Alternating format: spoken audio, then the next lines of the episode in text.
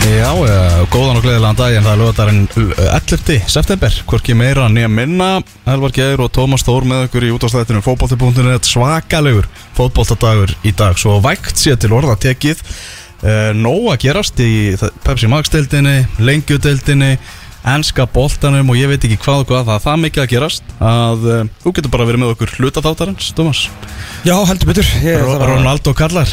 Ronaldo kallar heldur betur maður. Það er Ah. þokkalega spenna fyrir því í íslensku samfélagi sem og, eh, já, að því verðist bara heiminum. Það var að sjá á eh, vef eh, Sky Sports að stuðnismenn Manchester United eru nú þegar mættir á Old Trafford og bara svona eru að hanga í kringum og uh, eins og frettir höfðu greint frá að þá gekk treyjusala ágætlega og þá eru greinlega ekki mikið um legar eða ígjur þar því að ég hef bara aldrei séð annað en hafa fólki í Ronaldo treyjum. En ef maður var búinn að fá sér sko Cavani sjö. Alltaf um að bara fengi nýja? Nei, Ég veit það ekki. Nei, ég held ekki. Ronaldo ringdi sjálfur í Cavani. Það talaði, það talaði sjálfur við hann. Ég las það þeim þetta ger Vá, hvað hefði þurft að vera mikið dikk til þess að segja bara, nei. Það er svo Phil Jones, sko. Herru, talandu það Þú veist, Cristiano Ronaldo að fara að snúa aftur uh, í Manchester United í dag að spila sin, uh, sína aðra frumraun. En það myndi ég segja blikni í samanburði við hinn stóru tíðindin hjá United Já. Phil Jones er að fara að spila með undir 23 leginu Hvað, Ég er, þeir, þeir að spila á sama tíma? Klukkan, já, það er klukkan eitt held ég. Já, ok. Svo þetta bara Twitter á hann, ég hlóð mikið. Já. Bara einhver mest óþarfa tíst dagsins í nokkuð tíma síðan sko. Mhm. En þetta fylgdi söguna Dín Henderson er að fara að spila líka Hann er náttúrulega komin tilbaka eftir COVID. Já, hann er búin að jafna sig. Já, Hann fór úr COVID já sko. hann gerir það strókurinn Já, Já, vonandi þessi ég hann. Ó, vonandi. Leikur Manchester United og Newcastle Verður klukkan tvö Einn pæling, mm. hvar varst þú akkurat á þessum tíma fyrir 20 árum? uh, Já, þegar, þegar flugvélinn fór á, á turnana Já, Herru, ég var í fjölbrötaskólanum í, í Breiðholti já ég nefnilega líka að okay. ok. Þáttur við mikið þekst þá og þá vorum við í sama skóla mm.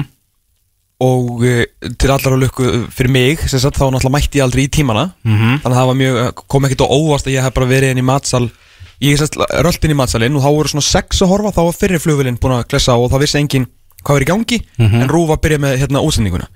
Og svo bara sá bara svona smám saman og ég, ég sá sérst setni flugvillina í bytni bara ok. í, í hérna í matsalum í fjölbundaskólanum í Brjöldi ég fórum þetta að pæla í morgun hvort að þú hefur verið bara í sama rím og ég en við höfum ekki þekst Nei, ég var, var í stofu, skólastofu.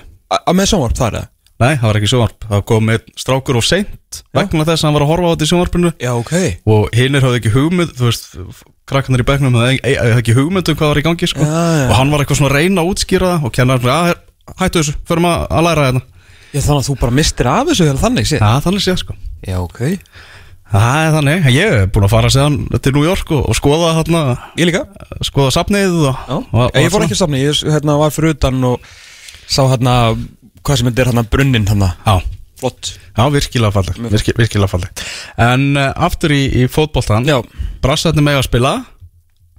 Með þeir megi ekki spila, þeir bara, þeir ætla bara að spila. Er það ekki? nei, nei, það- það er bara Er búið að leiða þetta? Brasilíska knarspindarsambandi dróði þetta tilbaka. Já, ok, ok, ok. Til- til því FIFA. að ennsku félögin sögðu bara nei í gær. Þau ætla bara að standa saman í að segja bara nei Þeir mega spila. Mhm. Og hérna, vandalega er na, kannski smá power á bakvið Ennsku úrstildina og þessi 20 félög þar Þannig að þeir vera með. Þetta var náttúrulega- ótrúlega skrítin gluggi og þetta var náttúrulega Brasilia, Argentínu, fiasko og bíó hana þegar þú veist það er ekki ennþá komin útskýring á því að hverju heilbreyðis vilt ákveða að mæta bara að þeir voru fimm minútur búnar af leiknum og, og stoppa þetta sko.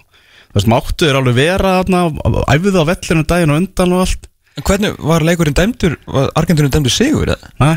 Það held að sé bara FIFA er ennþá eitthvað að skoða þetta. Ok, ok. En þá í ykkur fundarsölum hjá, hjá þeim en alveg bara gali dæmi. Og síðan þetta við erum að tala um það að það eru menn í sótkví núna í því fyrstu, fyrstu helgina í ennsku úrvastildinni mm. menna Martínez er ekki að fara að vera í markinu hjá Aston Villa á móti Chelsea því að hann er bara í sótkví sko. Já.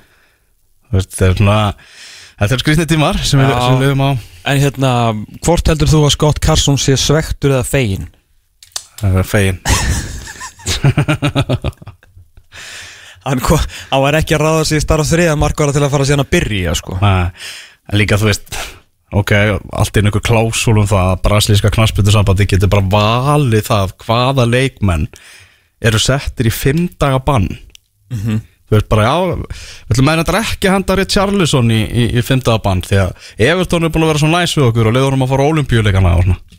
Er bara algjör þvæla sko. Alltaf menn verða líka að passa sig að vera ekki að setja ykkur svona heimska reglur því að það er náttúrulega svona grefur undan uh, svona einhverjum, einhverjum reglum og bóðum og bönnum sem kannski meika þó eitthvað senn sko. Þú veist að sé ykkur lína að þú ferð þarna og þú sá bara fimm dagar sókvið þú kemur tilbaka, þannig er vika það, skilur þetta sé ykkur svona heilstift lína.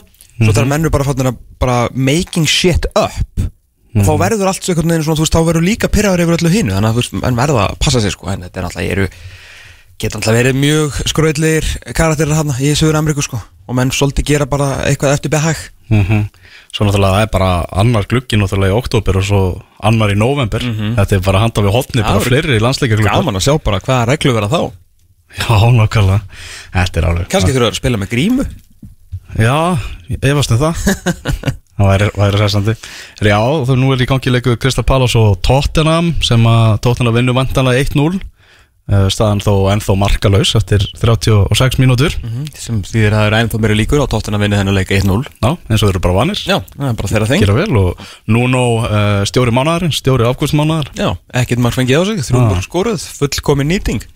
Og leikmaðurins var Mikael Antonio. Já, Já, sem bara leggur upp og skorar eins og, eins og vindurinn hérna í upphafi mót það var algjörlega Það var Já, alveg- vestam Já, algjörlega, algjörlega stjórnubilaður En alltaf þá er ennska úrvastildin komin aftur af stað uh, Náttúrulega fellur allt í skuggan einhvern veginn á þessari endurkomu Ronaldo á Old Trafford. Manchester United Newcastle klukkan 2 og uh, svo Chelsea Aston Villa 16.30 En það er líka að vera að fara að spila í uh, Pepsi Max deildinni í dag. Káa fylgir, Keflaði KR og Ía leiknir hefjast klukkan 2 Svo er það Víkingur Háká sem verður klukkan 5 á heimavelli Hamingjunar og svo risaslagurinn í kvöld breyðablik Valur. Mhm. Það er bara, maður hugsa alltaf meira og meira um þetta hvað er mikið synd, hvað þetta mót hefur einhvern veginn sko, þetta er líklega skemmtilegasta Íslandsmót sem við höfum séð í háahærasti Mm. bara þú veist, við erum ennþá það geta ennþá fjögulið fallið svona þannig séð, fjögulið, jafnvel fimm Mm. það geta ennþá sko þessum að þrjúlið orðið Íslandsmeistari þú veist, ef allt spilast eftir hérna já, ekki segja bókinni, ef allt spilast hann í dag menn þá er Valur ekkit út úr þessu ef að Háká vinnur Viking og Valur vinnur Breiðablík og svona, ég veit að það er tæft en svo er þetta líka þessi örfáið, þetta, þetta örfáa Evropasæti í, í bóði þess vegna er svo rosalega svekkjandi hvað þetta mót hefur einhvern veginn svona svona, hvað að segja náttúrulega aldrei náð einhverju almennilegu flugi náttúrulega út af COVID og þessum hérna hertu aðgerðum sem að skilur komu og fóru og komu og fóru og það veit engin hvort hann er að kaupa með í stubb eða tix eða á vellinum og hvort að það megi og svo nennir enginn að vera með grímu og það er 200 manna hólf og svo 500 manna hólf og svo 100 manna hólf og svo 200 manna hólf og það nennir þess enginn sko. Uh, hérna, þú veist, til allar hann ekki bara náttúrulega umfjöllun sportsins verður náttúrulega rosalega mikil og umfangsmikil og mikið að leikjum og hérna alltaf eitthvað í kringum þetta að það er svona, sportið má eiga, eiga það að þeir hafa haldið þessu mótið svolítið á, á floti. Mhm. um, en að þessu sögðu, hvað er, þú veist, að því allir leikir í dag Káa fylgir, fylgir, þú veist, bara það er allir að spáða um niður núna. Káa er ennþá, sko, og verður að fá Europasæti bara, þú veist, út af bara fjárragnum, skilur, ég meina eins og fyrir alla kannski nema valsmenn, þá náttúrulega skiptir hérna þetta Europasæti ekki einhver smámáli. Uh, Ía leiknir menna, Ía bara verður að vinna þegar ætla að halda sér uppi. Víkingur þarf að vinna Háka og Háka þarf að vinna náttúrulega er að berast þannig að segja hverju mænta dömlunar og svo breyðablík valur undir the lights bara upp á allar marmóli kúlunar fyrir, fyrir blikana sko. stærsta próf sem að breyðablíksliði hefur farið í frá bara félagi var stopnað sko. Mhm. þannig að ekki smá umferð í dag sko. Þetta er alveg, rugglað sko. Og líka en þetta bjóð upp á leikjan í kvöld klukkan 8 ég rána með það sko. Já, bara sá sem starfandi frangotastjóri og formaður knæspunum samfalds Íslands Birkir Sveinsson eh, bara til hamingi með þessa ákvörðun. Þetta er gríðarlega vannýttur tími í íslensku mikrunum Já, okkala uh, Ekki komin uh, svona uh, alvöru kandidat sem er búin að stíga fram og, og, og lýsa yfir að að hann ætli sér formanninn. Að taka starfið af Birki? Já, þegar, auka þingið verður haldið. En ég með svona upp nefnd. Já, við hérna ætlum, er ekki svona eftir viku sem við ætlum svona að fara aðeins yfir þetta betur með okkar hérna lead political analyst. Svona hvað þetta þýðir alls saman, sérst ekki raun og er ekki kannski kandidatana heldur? Að koma ykkur eftir viku í skilningum hvað er að fara að gerast núna á þessu aukaþingi.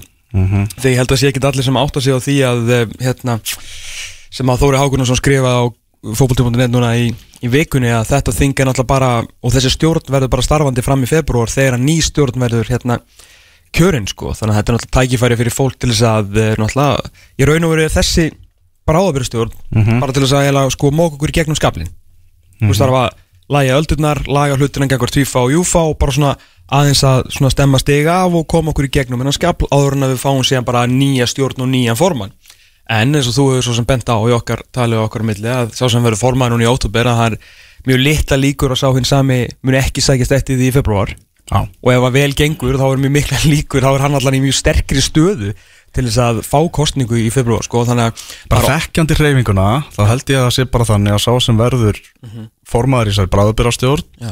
Þú veist, og svona lægir öldurnar bara gerir þetta nokkuð nokku vel Já, ég meina þú veist, þú getur ekki tapað og getur ekki tapað Nei. og þá er, bara, þá er hann bara áframhaldandi í starfinu sko. og sem er bara vel ef þetta er bara góðu kandidat sko. þú veist, það er ekkert ekkert að vera slæmt en sem verður mjög áhugavert að sjá hvort að við sem er að fara ykkur kostningar og kostningabaróttu fyrir þetta fyrir þetta þing sem er alltaf stýttist með hverjum deginum í eða hvort að hérna eins og hafi verið rætt að reyfingi myndi bara setja saman einhverja bráðabyrstjórn með einhverju góðu fólki sko. Sem að ég held að væri nú betra að fólk myndi svona vita það það bara færi það inn í ykkur á fjóra-fimm mánuði þú veist, fram í februar og svo væri þá bara eitthvað kostningabarótta sem að færi þá í gangi í janúar og februar sko. Já, maður sér ekki alveg svona kostningaslagur eitthvað fyrir bráðabyrjastjórn Nei, það er líka, þú veist, í svona í öllum hallabildingum, hvað sem að það sé í, í hérna, íþróttum eða pólitík, sko, að það var alltaf tækifæri fyrir fólk til þess að svona smokra sér inn, sko hmm. þannig að það þarf svolítið að vanda nefnilega valið núna í eh, fyrir þessa bráðabristjórn, það voru mjög, mjög frólægt, sko. En Pétur Martinsson, hann að menn búin að koma máli við hann en hann vil, ég áttum ekki að vill hann taka þetta eða ekki, eða er hann bara að taka Bjarnar Ben í síðustu ríkistjórn að vera að máta Já, að benda á alla aðra til þess að líta gett vel út og hann verður svo sjálfur formaður. Hann vil pott í að taka þetta. Það er komið einhver maskina í gangi kringum Pétur Martinsson. það er morgunljóst sko. Það leynir sér ekki það sko. leynir sér ekki Ekki, ekkert heist múk frá honum í langan tíma sko. Svo allt í hennu núna er hann komin út um allt Já, og, já. og vinir hans farnir að peppa hann upp á, á samfélagsmiðlum og svona algjörlega, Og hann er algjörlega með alveg teimið þar í kringum sig sko. heldur betur með gott en hann er líka bara góð kall sko. Og hérna uh, svona verið í einmitt í svona skipilagsmálum og náttúrulega verið í rekstri og náttúrulega fyrir hann atun og landslísmaður þannig að maður getur alveg séð sko verri kandidat heldur en hann þannig ég held að hann er bara allan mjög, ég held að hann er mjög flottur frambjóðandi sko. Hvað sem hann sé flottur formaður mun bara koma í ljósi ef hann verður uh, hverju voru fleiri þarna? Vanda Sigurgeis náttúrulega eitthvað verið að koma að málu við hanna um, og hérna hann og gengið hana í einhverju viðtali sem er hvort það var í vikulókunum hérna í síðustu viku. Ef maður rétt og hún svona það hefst verið að hugsa málið og hverju voru hinni tveir? Sæfa Pétursson náttúrulega. Sæfa Péturs. Og og Harpa Þorstinsdóttir Já. sem er alltaf búin að vera í bæjarpolitíkin í, í Garðabæ svona frá því að hennar knaspirnuferli laug sko. Mm Geti, þú veist, ég hugsa líka að geti Sæfa Pétursson ekki verið bara hörkuöflugu framkvæmtastjóri í, í KFC Ég held að sko það verið tölvert auðveldara að finna framkvæmdastjóra heldur en, heldur en formann sko. Af því að það er mjög erfitt og snúið að vera framkvæmdastjóri íþróttafélags á Íslandi því að þetta er, þetta er rosalega mikil barátta við svona barátta um svona teitlingaskýt sko hér og þar. Það, það er svo mikið, þú þarf að gera svo margt.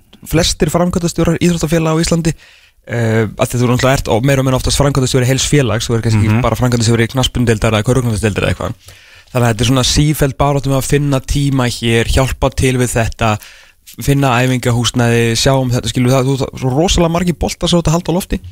Og bara það við erum með það mörg stór og öflug félög, eins og knaspunnufélag Akureyri er svo sannarlega, ég minna og hérna bara Eistir Pétur Lárusson þessan á breyðabliki og bara veist þessum, þessum stærri félög, þú veist held ég að séu bara mjög góðir kandidatar í frangandastjóran sko. Já, nákvæmlega. Svo þarf hann ekkit endilega að vera einhver svaka hérna fótboltahaus sá, sá aðili sko, getur bara komið úr bara einhver stjórnandi úr viðskiptalífinu þess vegna sko. mm Svo er mikið tala náttúrulega um hlut kvenna og, og þannig í, í nýra stjórn, það má náttúrulega ekki gleymast að náttúrulega framkvæmdastjóri KSI er kona varaformarinn er kona svo er þú veist gjaldkerri sambandsins er kona og, og allt það, þannig að það er raun og veru mestmægnis í stjórninni það sem að svona, það Já. hallar verulega á kynnin og hérna verður en náttúrulega það kemur á svona valdamestur hlutverkunum innan Já, knastmyndusambandsins það þarf við kási gert vel sko. það verður, verður að gefa þeim það eins og þú segir, það tvær á svona þrjára efstu stöðunum eru hérna, eru hvern menn, eða eru og voru þú veist, Borgildur og, og Klara sko. Þannig að eins og segja, skiptir engum máli að bara ráða þann ráða þann hægast að skilur en vantilega þá líka, náttúrulega líka að passa upp á kynninlutullun og spurning hvort að það verði kannski sett í lög núna á stutta þessast á hérna þinginu núna í óttúburmániði, hvort að verði sett einhvers konar reglu og lög um að þetta verða að vera 50-50 eða 60-40 veist eitthvað, ég bara hérna eitthvað svona pælingar fyrir Mhm. fyrir, uh, fyrir februar þingi Mhm. Arsene Wenger vildi HM á, á tveggjára fresti Já, sástu hérna viðtalið við Sergio Busquets um þetta Nei? Það kom, sér, kom þessu helviti vel frá sér og var að tala hérna um, sko, þeir vilja, hann sagði, þeir nú vilja, vilja hérna, jakkalagarnir fá HM og fresti, EM og fresti, þeir vilja fjölga leikjum við mestaradildinni, fjölga leikjum við Europadildinni, vilja fjölga leikjum allstaðar, á endanum þá mun einhver fótbollakall springa. Bara, að bara springa á Já. er mjög gaman að þessu orðalega já, já, já, Busquets sko Menna, eins og bara Geir Þorsteins sagði á Twitter á sinni tíma leikmenn er ekki vélar sem að má slökkva bara á og, og endurræsa það vild sko. Nei, við sjáum hvernig þetta er farið með handbóltan, þú veist, það er stórmót á hverju ári til þess að halda svona að því handbóltin þarf miklu meira á því að halda að það sé stórmót á hverju ári til þess að halda sportinu meira relevant í mjög erfiðum heimi mm Mhm. sem sagt afþreyingar heimi en fótbóltin alltaf þarf ekki á því að halda og HM er HM að því að HM er á fjórarafresti sko. Ok. þetta er algjört þeng. Þú veist, þetta er bara moment in history okkur einasta á fjórarafresti þá bara stoppar tíminn í mánuð en það gerir það ekki, þú veist, annars verður leikir ekki spilaðir Já, já. en þú veist bara, En handbólta viðlíkingin er einmitt mjög góð maður sér það bara leikmenn oft bara Já, ég ætla ekki að gefa kost á mig núna í þetta stórmót ég, ég er bara þreyttur Ég er þreytur og verð ekki með á, á HM Já, HM verður hvað sem er aftur eftir tvö ár og verður EM á næsta ári og... já nei, ég meina, ímynda er þeir muna, hvenær er að fá pása þessu menn? Segjum að- væri bara HM 22 bara um sumar, bara mm -hmm. því að þeir náttúrulega eru svolítið eðilegita með þessu vetra HM Mhm. þannig að nú væru hérna að spila uh, já, hann vantlega EM, ok, 20, ok, svo bara þú byrja tímubili núna og segjum að það er þá ekki verið stórmót í ár uh, þannig að þú myndir spila tímubili núna 21-22, svo spilur það HM svo farið, þú veist, viku pásu eða eitthvað kemur tilbaka, spila 22 hérna til 23 og þá þurfti vantilega að vera EM veist, EM þurfti að færa sig yfir á hérna 8 tölur að þið vilja líka hafa EM þess vegna á, á tveggjárafæsti sko. Mhm. að þá getur verið bara með HM eða EM á hverju ári. Þú veist það er HM á slettum EM á 8 tölum og þú veist hverjum maður væri hættur að horfa eftir þriðja EM-ið. Eða skilur þá væri þetta ekki lengur svona bara, og hvenær ætlaði svo að halda undan keppnina fyrir þetta allt saman? Já, akkurat. Þetta er alveg en verða að fara að setja tappan aðeins í flöskuna þarna hjá UEFA sko, bara slappa af. Þetta er bara mjög fínt eins og þetta er. Já, einbyttu ykkur frekar bara að laga þú veist svona spillingamál og það er fullt af hluti sem má laga þarna sko. Fleiri leikir eru fleiri peningar og Ó, djöfullega peningar fínir þess að kalla. Já. elska peningar sko. Þeir gera það sko. Já. en þarna þess að svona þegar þetta jobb sem að vengar í veginn svona reyna að finna einhverja breytingar á leiknum og eitthvað sko. En faldi í pressu að vera í starfi sem er bara, hvað, er ekki bara þróunarstjóri í fótbolta? jú, hvað hann ekki Eitthvað svo leið, þú veist hann á bara að finna upp á einhverju. Já, Þú veist alltaf að vera að banka upp á, bara að finna upp á einhverju? Uh, Nei, jú, hérna, hérna, línurnar hérna við hotfánan Ég er búin að íta þeim 3 cm utar ég hef með sko að hugsa það veist, ég trúi því ekki að vengar finnist í alvörunni að eiga að vera HM á tveikjara fresti. Ég held að sé meira bara svona hann þarf að sína að hann sé að gera eitthvað sko. Ég, þú veist það er bara mennindi sem að borgun og launin vilja hafa háam og tveggjörfesti mm -hmm. og þá þarf hann bara að vera sammála því sko.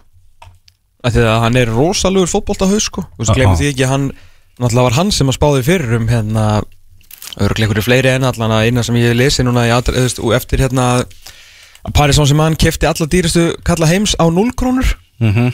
að þá var, að, það var hann sem að spáði fyrir fyrir lungu þetta semst að, svona kaupverð að semst að sölur og leikmönnum myndu fara að eh, fækka og þetta yrði algengar að menn myndu spila út samningin og fá séðan bara allan peningin í vasan og allt sko þannig að hann veit alveg helviti mikið um sko, Já. og geti nýst mjög vel og hefur örgulega nýst mjög vel í þessu starfi sko, hann er bara ekki verið að óta á um einhverju svona heimskulegum hugmyndum eins og hafa HM bara, þú veist, annarkvæð dag sko. Nei, nákvæmlega Þarna mestaradelt Európu, hún er að fara að staða núna í, í komandi viku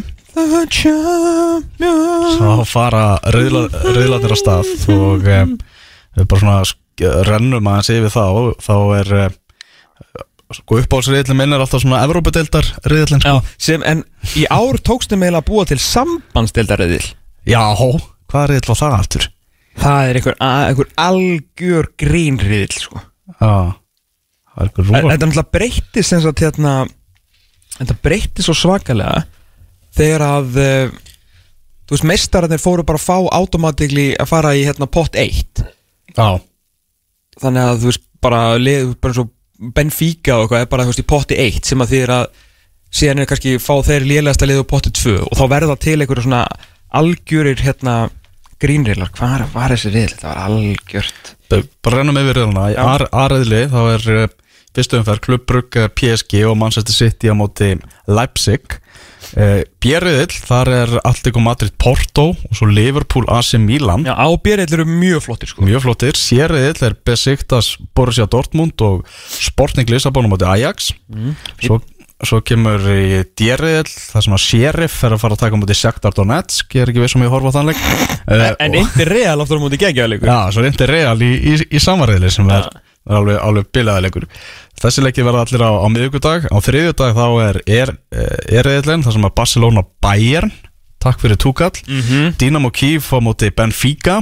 Uh, Svo er það F-riðlinn Það er Young Boys Manchester United og Villarreal Atalanta Og svo er það G-riðlinn, hann er hann. Þannig er hann. Það er Sevilla Salzburg og Lille á móti Wolfsburg. Sambandstættarriðlinn Þetta er sambandsdeildar riðillin í meistaradeildinni. Og svo er það hárið þar sem Chelsea er að fara að keppa móti Zenit og Malmö fær Juventus í, í heimsó Já, þetta er samt, þetta eru flotti riðlar, meira og meira Já. Það er rosalega, hérna fyrir utan Lille Sevilla, þú veist svona tvö efstu eiginlega í flestum, þú veist Chelsea, Juve, Bayern, Barca, Inter, Real uh, þú veist Dortmund, Sporting og Ajax allt, ætti alltaf að vera góða leikir, Atlético Madrid, Milan og Liverpool, öll saman og svo náttúrulega þessi hérna uh, City, PSG, Leipzig sko þannig að þetta eru mjög áhugavert og verður líka mjög fróðlegt að sjá núna í vikunni Já þegar þetta fer allt saman á stað á sikkur í sjónvastuðinni verða Já. að deila öðnum með og, og Stöðu 2 Sport fyrir að sjá hérna hvað eh, þeir ætla að gera í, í Kongsins Köpen, Hjörvar og félagar gegn eh, Garðar Erdn og félagum hérna í húsinu við hliðin okkur á Suðurnarsbröð 10 Þetta verður mjög, mjög áhugavert sko. Já, þetta er bara í fyrsta sinn sem að þetta er í íslensku sjónvarpi svona. Algjörlega. Búið að splitta henni bara algjörlega 50-50 keppninni. Og hver fekk uh, fyrsta valrétt í fyrstu umferð, veist það? Eh, Ég held að, held að verið Viaplay. Já, Þannig að eh, ég veit endur ekki svona hvað þið völdu sko. já, ég sá að uh, Viaplay er með Young Boys Manchester United Ok hjá sér, þannig að það, því það vantilega Að Liverpool- AC Milan er á stöð 2 Já Já, sagði, er ekki 13. setnum byrja jú, uh, 14. og 15. 14. já Það er Lille, Wolfsburg og Barcelona Bayern um, eru stóru leikirnir já, það er na, da, da, da, Chelsea Zenit Liverpool Asi er, uh, hefur þá vantalega verið second pick Já, hjá uh, sport og Hjörvar hefur tekið Manchester United svona ímynda með sér allavega. Já, kannski svona í ljósið þess að einnig Cristiano Ronaldo er uh, komin aftur.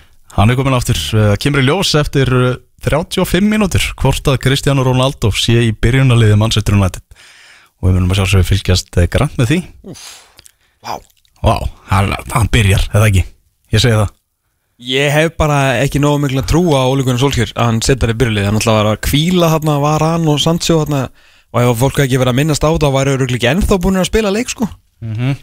Guardian var með sko líklegt byrjunarlið þá voru með, með Ronaldo fremstan og, Bruno hann í hólunni og Mason Greenwood og Jadon Sancho á, á köntunum Já, sko Jadon Sancho er tölfræðilega þegar kemur á stóðsendingu miklu betri á hæri kantinum sko.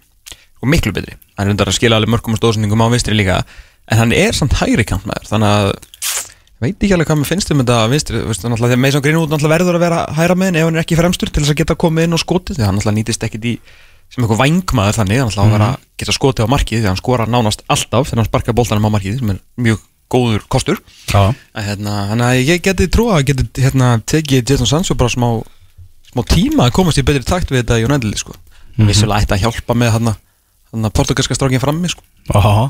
Þú varst að spjalla við Owen Hargreaves Já, spjallaði henni í vikunni með um, hérna, um Ronaldo og var að tala um það hann væri bara, þú veist, hann var með honum í raun og veru, sko, það er eftir HM 2000, eh, HM, jú, HM 2006 sem að Ronaldo uh, eftir að aðtökjum í Rúni sem að þeir eiginlega bara saman félagarnir svolítið taka yfir hans úrstildina þegar United uh, hérna, var ekki búið að vinna frá 2003 hún ætla Mourinho kemur neð fyrst Invincibles og tekur Mourinho 2 og Ferguson hérna, tók hérna þrjú, þrjáröð, 7, 8 og 9 með Ronaldo sem sin eiginlega langt besta mann sko. Mm. og hann harkast eftir hann inn eftir sérst fyrsta tillin og vinnur með honum uh, deildina og mestaradildina en 2007-2008 tímbilið og var um að tala um það hvað þetta þú veist, þessu Alex Ferguson væri nú engin einhver eitthvað séni að hafa spotta talentin í Ronaldo það hefði nú verið mjög auðvelt en svona hvernig á mjög áhuga það sem að Hargreys var að tala um hérna, ég spurði hann mynd út í svona samband þeirra og var að segja sko hérna, hann bara lefði honum ekki að vera svona, hérna, svona sáttur.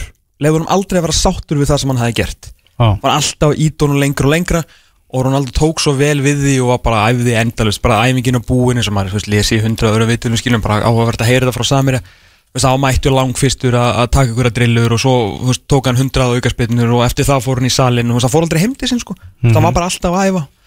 Og hann það er engin engin tilhjulun að hann sé núna búin að skora 50.000 mörk í 100.000 leikjum eða hvað sem hann, hvað var ég að lesa fyrir það hann 897 leikir 694 mörk eða eitthvað og 290, eða 229 stóðsendingar 180 landsleikir Já, þetta eru handbóltatölur sko. Já. og 111 mörk, þetta er bara eins og góðu línumæður. Já, Algjör þvæla sko. Algjör vel Herðu, framöndan í þættinum, ég ætla að fara að ringja í Vógana Já, Martin. Í Martin Ægjesson þróttu voru komið upp ekki staðfest. Jú, þeir eru ekki upp þróttanar Náttúrulega, landsveinu fengur síðustu sendingu kannski Það er aðeins að- að hugsa það, við kunum vel að meta allar vogasendingar Já, já, það er húlum hæ í kringu leikin hjá þeim í dag. Er, að fara að spila, spila við Magna minnum mig klokkan 2 Ok.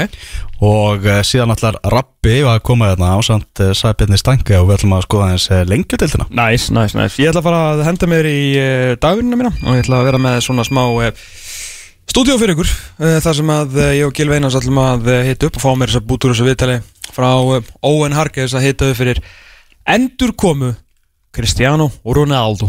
Haldi ég út á satturinn fótbolti.net hér á X977 og við ætlum að fara að einbytta okkur að lengjudeildinni og uh, hingað eru komnir uh, tveir miklir uh, lengjudeildar spekingar Rapp Markus Vilbergsson okkar maður, hann er mættur hérna í hljóðverð og, og einnig Sæbjörn Stænke. Hann árum við, já kíkjum aðeins á lengjudeildina, þá ætlum við að heyra aðeins í Í Martini Ægisinni sem er framkvæmtastjóri þróttar í vógum Þróttarar komnir upp í lengjudeildina Verða í þessari stórskemmtilu deild á næsta ári Sæll og blessaða Martin Góðan og blessaðan daginn.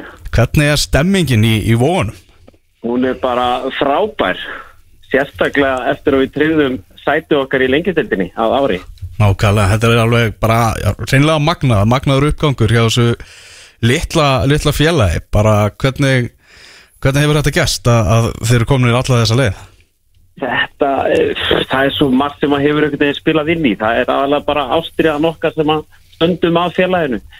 Uh, bara uh, fílingur áhuga á því að reyna að gera vel í, í öllum okkar störfum frá því að við byrjum og þetta er bara ég er reynilega að veit, ég hef ekkert svo mörg orð þú veist, ég hef ekkert svo mörg orð hvernig þetta gerðist nákvæmlega en, en þetta er bara allsherjar ævintýri í raun og veru. Það er ekkert langt síðan að við vorum bara og lifðum fyrir að fá að taka þátt í ústöðukeppni fjóruðdildar Mhm. og allt í einu erum við bara á leiðin í lengjudildina Nákvæmlega og þarna aðstæðan líka, hún, hún er hún hefur tekið stakkarskiptum að það hjá okkur. Já, við erum svo lánsamir en var að í vógunum sveitafélagi hefur staðið þett bak við okkur. Hmm. og 2012 þá setti sveitafélagi mikla peninga í, í, í, hérna, í framkvæmt þess að byggði þetta upp tvo knaspunduvelli og svo hefur verið bara eh, velvild eh, velvild sjálfbóðaliða og stjórnaliða að reysa mannverki í kringum völlin Mm og við erum með alveg frábæra sumaraðstöðu en hún mætti vera betra á veturnar og það er byrjað að skoða þau mál og vonandi lagast það innan 34 ára. Mm Þarna trónið á, á toppi deltarina núna og þið bara okkur að, að taka dolluna, getur að tryggt ykkur hana í dag mögulega? Já, það er stórleikur í vonum. Við erum að mæta sem sagt magnamönnum frá Greinivík þeir, þeir, það er nú ekki dósöpu félug þeir upplýðu hennan draug fyrir fáinnum árum og við höfum svo sem hortið þeirra og fengið trú á verkefni eftir að hafa fylgst með þeim. Mhm. en jú, jú, við ætlum okkur ekkert annað en sigur í dag og fá að lifta byggarnum á heimavelli er bara stæðsti draumurinn.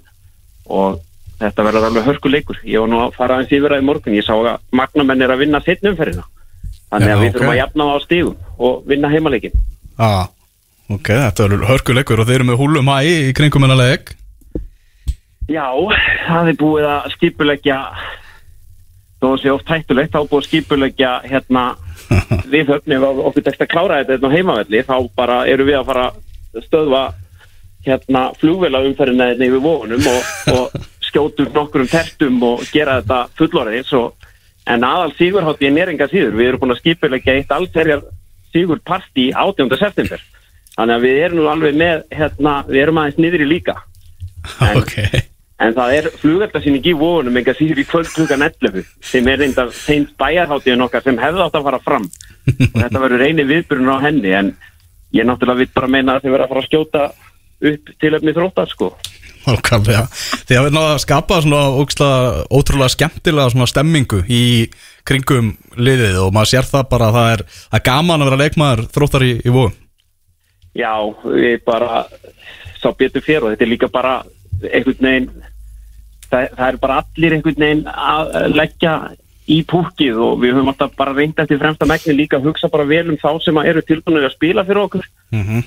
Uh, við höfum verið rosalega heppin í, heppnir í hérna, þjálfararráningunum í gegnum tíðina. Það er ekkert hver sem er sem fær að taka þátt í þessu verkefni. Við erum svolítið að velja inn leikmenna inn í þetta verkefni og svo erum við bara ótrúlega heppin með hérna hvernig stemningin hefur orðið. Þetta byrjaði í raun og veru 2012-13 þegar við fengum Steinar Gunnin og, og þú sér það Elvar að við erum búin að ná held ég í nýja tíu ári röð besta árangri sögu félagsins það er rosalegt og það er bara við toppum alltaf aftur og aftur og aftur.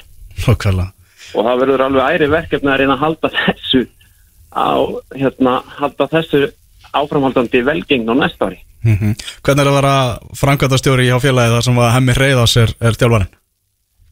Það eru forréttindi, algjör forréttindi og frábært, að þetta er alveg æðislegt, henn er alveg frábært Mm -hmm. og hann hefur komið með hérna, svo miklum kraft í þetta verkefni. Þegar ég heyrði fyrst í hemma og, og, og þegar við náðum hemma inn þá var svolítið aðdraðand að því. Brynjar Gesson þurfti að hætta skyndilega. Og það voru, það voru hérna, við vorum á leiðin í smá hraðmót, það voru tveir leikir næstu fimm dagana. Og ég man bara þegar við vorum á þessum fundi og þá kom Gunnar Július Helgason formaði knarspunutildarinn og sagði Martin, þú var vinnufrí í þrjá daga og þú þurft að finna svona stemningsmann svona svipað að hemma hreyðastýpuna og hérna og við náðum því heldur betur inn og að, við náðum að lokka hann inn á okkur tveimur, þreimur dögum og, og hann hefur heldur betur sett marg sitt á félagi Mm og bara, bara algjör fagmerska Mhm. út og inn. Og svona, hann setur svolítið svona sinn braga á, á liðið, maður sér alveg hemma reyða svolítið bara á, á bara uh, spilamennsku þróttaraliðsins Já, já, þetta er alveg tikið taka fótbolti og við elskum hann hérna í vonum Þetta er bara æðislegt. Já, nákvæmlega, það er svona, svona bresku fílingur svolítið yfir ykkur. Já, það er þá líka Elvar, þú veist, þú veist eh, Mark Wilson, dettur inn Einmitt. kortir fyrir mót. Mm hann kemur hérna og segir við okkur, heyrðu ég var að heyri félaga mínum. Svo erum við með Andy Pugh sem er hérna búin að vera lengi á Íslandi síðan 2006, tók held ég eitthvað 2-3 ári í, í pásu og var þá held ég Englandi ef ég maður rétt og þetta er svona, jú, það er alveg nettur breskur fílingur yfir drótti vóðum í augnablíkinu Núna þeir eru að fara í, í uh, mun sterkari deild uh, fara svolítið á, á stóra sviði lengjadildin er að fá svona mikla aðtikli og að fá mikið umtal, unda, undanfærin ár hvað, hvað viljið þið gera? Hvernig ætlaði að koma inn í þessa deild? Við ætlum bara að halda áfram að vera skemmtilegasta liðið Mm -hmm. langt skemmtilegasta félagið og við þurfum bara að vera rosalega fljótir að aðlagast. Uh, þegar að þessu móti líkur þá þurfum við bara að setjast niður sem að stöndum eða komum að félaginu og við þurfum bara að vera ógeðslega góðir í því sem að við ætlum að ákveða. Hvaða leiðir við ætlum að fara í þessari deitt og líka svo þú segir þetta er miklu starra svið, ég er búin aðeins yfir þetta í morgun hvaða lið verða þarna næsta ári. Einmitt og ég tala ekki um ef að skæin og fylgir, ég sá að þau voru í 11. og 12. sætin, ef þau fara niður þá sá ég það að þetta eru lið sem að fara yfirleitt aftur strax upp. Mm og með ágætis vinnislutfall svo sjáum við að það eru svo mörg sterk lið tímaspursmál hvernig vestri springur út. Kórdrengir eru með fullta leikmennu sem eiga leiki efstu deilt við erum með hérna, fjölnir sem á mikla sögu. Þósara frá Akureyri eru pottið að fara að gera miklu meira á næsta ári eftir vombirinn á þess ári -hmm. þannig að við bara finnum finnum hérna gott prógram og við setjum að sjálfsögum markið hátt líka og, og ætlum okkur ekkert annað en að vera en að festa okkur í sessi Mm -hmm. Akkurat og við bara Minnilega, fest okkur í sessi og vera byggamistar það hljóma mjög vel, það er gott, gott plan. Við Enda á topp 10 við hvetum að sjálfsögur bara ef einhver hlustandi er að veit ekki hvað hann á að gera af sér í dag þá er bara um að gera, fara núna og, og rúla bara í vóana og kíkja á leikin og taka þátt í, í partíinu. Já, endilega, af því að eins og þú veist sjálfur og þú hefur nú verið að koma einna hverju ári í vóana og, Mhm. og svona allt fókbalt áhuga fólk, það nærist á því að fara á vötnin annar stað líka Mhm. og ég held að fólk myndi alveg fá alveg helling út úr því að rúlla í suður í voga í dag og, og ég tala um gum, það eru tveir metrar á sekundi. Mhm. og þetta er sennilega þriðji dagurinn á þessu árið það sem er lokk þannig að þetta er dagurinn til að heimsækja okkur í dag. Algjörlega, það er gett votta fyrir það, það er heldur betur skemmtilegu fílingur að, að mæta það á leiki, mann líður svolítið eins og maður sé komin mun lengra held, frá Reykjavík heldur en einhvern veginn maður er í raun og veru. Sem að gera þetta romantíst og skemmtilegt Akkurat og þetta eru samt ekki nema bara einhverja 20 mínútur. Akkurat. Heldur betur, uh, Martin Ægjarsson, bara takk kærlega fyrir að gefa smá, smá tíma og enn og aftur til hamingi með það. Frábært, takk fyrir mig, bless bless. Heyrjumst, bye bye. Já, þróttur vógum í lengjudeltinni á, á næsta tímabili. Bara rappið aðeins um bara þennan mann, Martin Ægjarsson. Bara það sem hann hefur verið að gera þarna hjá þessu félagi er magnað Það er einfallega ljóst og hérna gaman ekki að hlusta á hann hvernig hann líka spjalla við í viðtalinga mm þannig að einlægur og hérna feikið dúlu, hann ásett Gunnari sem er alltaf saman hérna er svona stór, stóru hérna kallan í þessu hérna og, og tala um breskan bolta, ég, held að spila alveg bara þróttara bolta sem það er að spila síðust ár og eins og Martin líka fyrir inn á, þeir eru alltaf að bæta sig alltaf í, í hérna einhvern veginn að gera betur og ég held að sé líka þeir sem að koma að félaginu, ekki bara þessi tveirundir fleiri, þeir eru líka svona vilja að ná langt, vilja hérna gera einhver æfitýri og, og nú er enn eitt æfitýri á þeim að fara upp um deild og hann tala líka um að þeir séu síðust, síðustu hvað 7-8 árum alltaf að topa sig og það er náttúrulega klárt að þeir topa sig á næsta ári.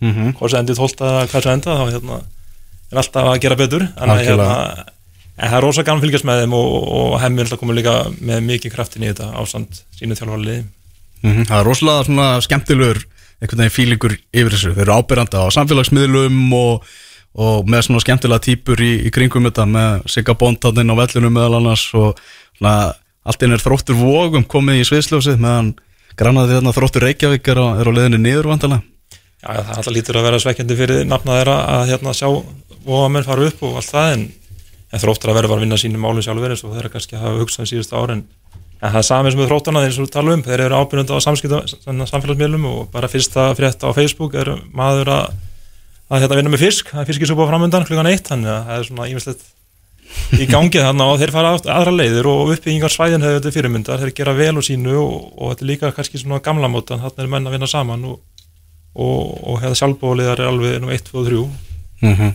þannig að það er gaman að fylgjast með þessu.